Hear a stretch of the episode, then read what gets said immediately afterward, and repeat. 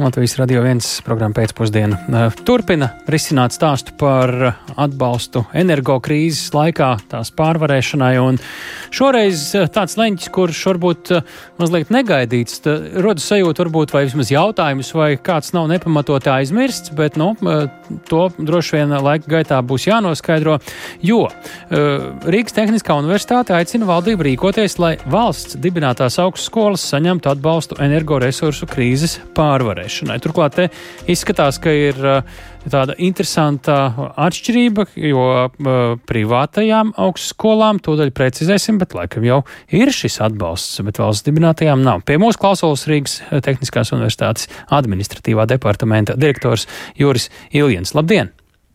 Labdien! Uz ko aicināt? Nē, jāsaka tā, kā, kāds ir stāvoklis ar šo valsts atbalstu attiecībā uz valsts dibinātām augstskolām un uz ko jūs aicinātu?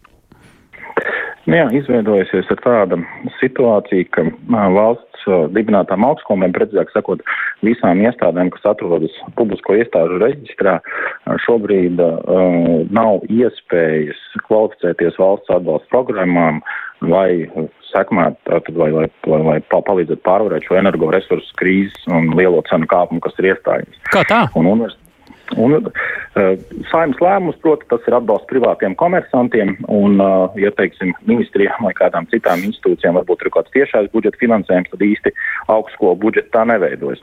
Augstskolu nu. budžeta veidojās gan no daļas valsts ienākuma, bet, ka, teiksim, mūsu gadījumā tas ir tikai 28%, kas ir valsts dotācija un pārējā paša dažādā veidā piesaistītā naudiņa. Tātad viss cenu kāpums mums ir uh, jāsadz kaut kur pašiem, un, tā, un pat cik tas cenu kāpums ir tik liels, Un tas ir, jo nu, mēs zinām, kas notiek ģeopolitisko uh, problēmu rezultātā, tad tas mums rada nopietnas problēmas, nu, kā tad veicot pamatdarbību un citas lietas.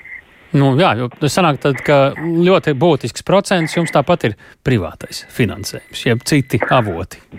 Avoti, jā, vai tie ir projekti, struktūra fondi vai kas cits, bet jāatzīst, ka mēs jau esam, teiksim, kā, kā tehnoloģija universitāte, energoietilpīga universitāte. Mums ir liela roboti, mums ir sistēmas, kas jādarbina lieli datori, skaitļošanas centri, laboratorijas. Tas ir kā ražošanas uzņēmums. Mums ir energoresursu komponenti ir ļoti, ļoti svarīgi.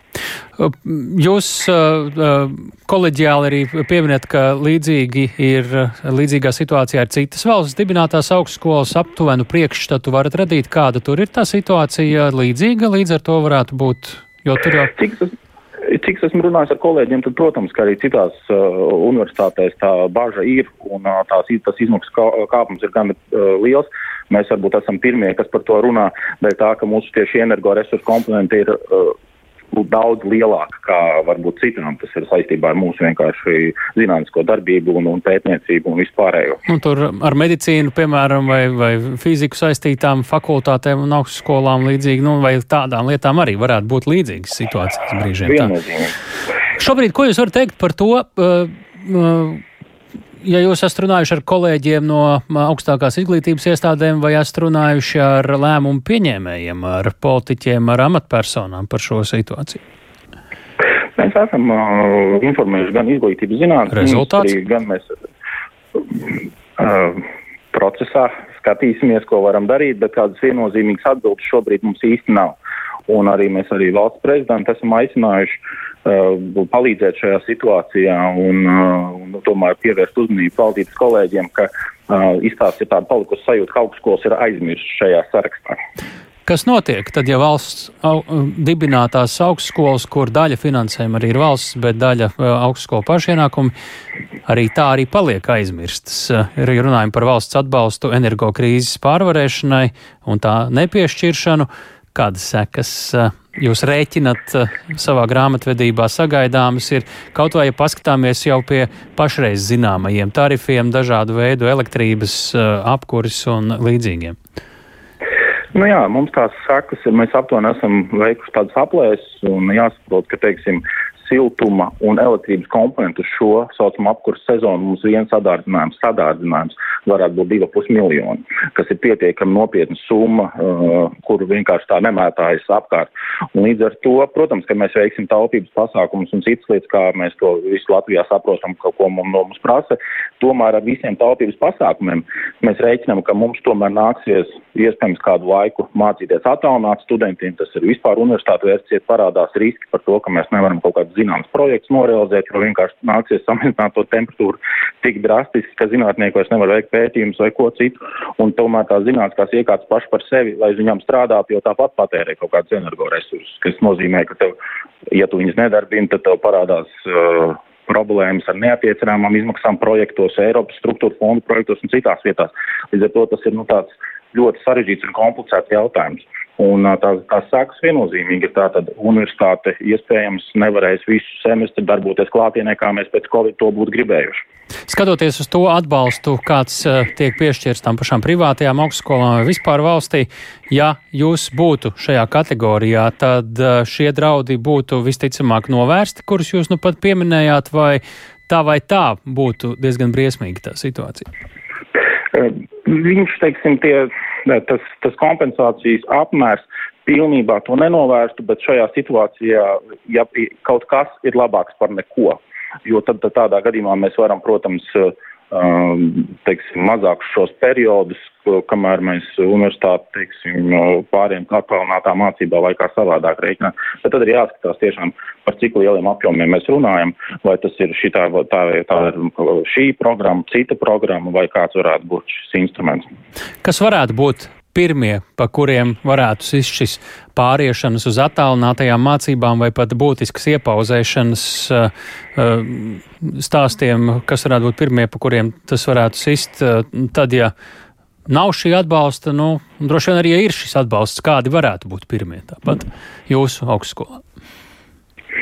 Nu, Tātad pirmie soļi, droši vien, kas, kas, kas visur ir neizbēgami sagaidām, ir tas, ka um, mēs droši vien pāriesim uz četru dienu klātienes darbu un no piekdienas droši vien būs jāpavada attālinātā režīmā. Tā ir tāda pirmā lieta. Un otrā lieta, protams, ko mēs skatāmies, ka tajos bargākajos ziemas mēnešos, kas ir decembris, janvārs, februārs, iespējams, ka universitāte tādā vienā, vienā vai otrā veidā būs nu, nosacīti jā, jāvar ciet eh, vismaz eh, studiju procesam un atstājot tikai varbūt kaut kādas kritiskās laboratorijas, kurām, kurām ir jāstrādā un tādā veidā. Tā kā, nu, tas process tāds pakāpenisks ir, eh, jo, jo liel, lielāk mīnus ārā, jo, protams, mums mm. attiecīgi jāpielāgojas. Nu, RTU gadu gaitā, nu, skatoties vienkārši kaut vai publiskajā tāpā, var redzēt, ka ir koncentrējusies vairāk ap ķīpsalu ķīpsalā, pametus visticamāk visnotaļ ne energoefektīvas telpas, arī tepat vecrīgā. Kāda veida apkuras sistēmas un infrastruktūra jums šajā gadījumā Rīgas Tehniskajā universitātē caurmērā vai pārsvarā vai lielākajās pozīcijās tiek izmantota, vai te vēl kaut ko var efektivizēt? Nu, jums tur prātu šajā ziņā visticamāk, ka netrūkst.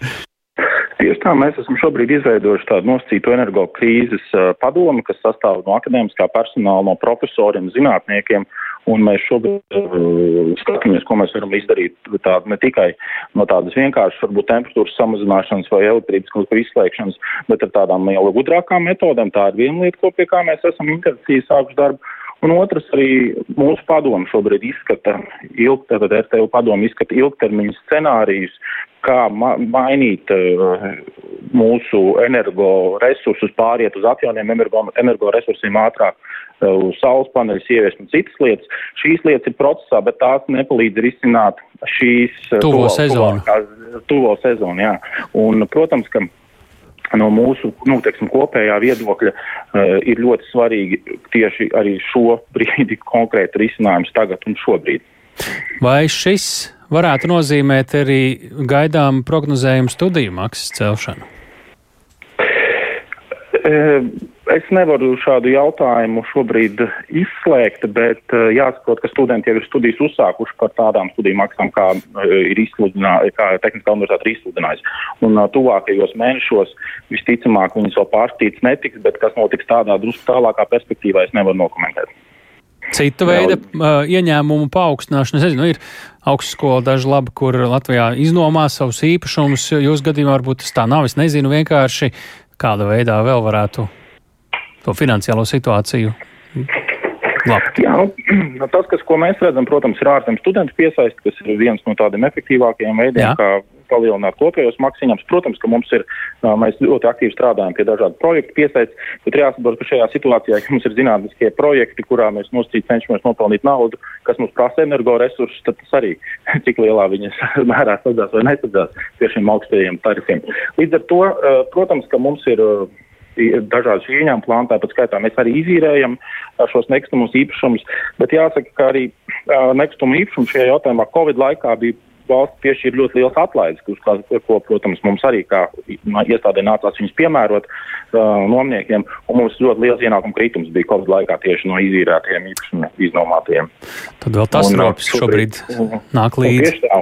Un tas rops mums arī valkās līdzi, jo arī Covid laikā, kā mēs zinām, tad augstākā izglītība īsti tādu atbalstu jau nesajūt. Līdz ar to mums nācās pārzīmot vai Covid laiku, kā nu varējām. Un tagad vēl šis energo krīzes tās tāds ļoti neveiksmīgas sakatības sek sek sekvences.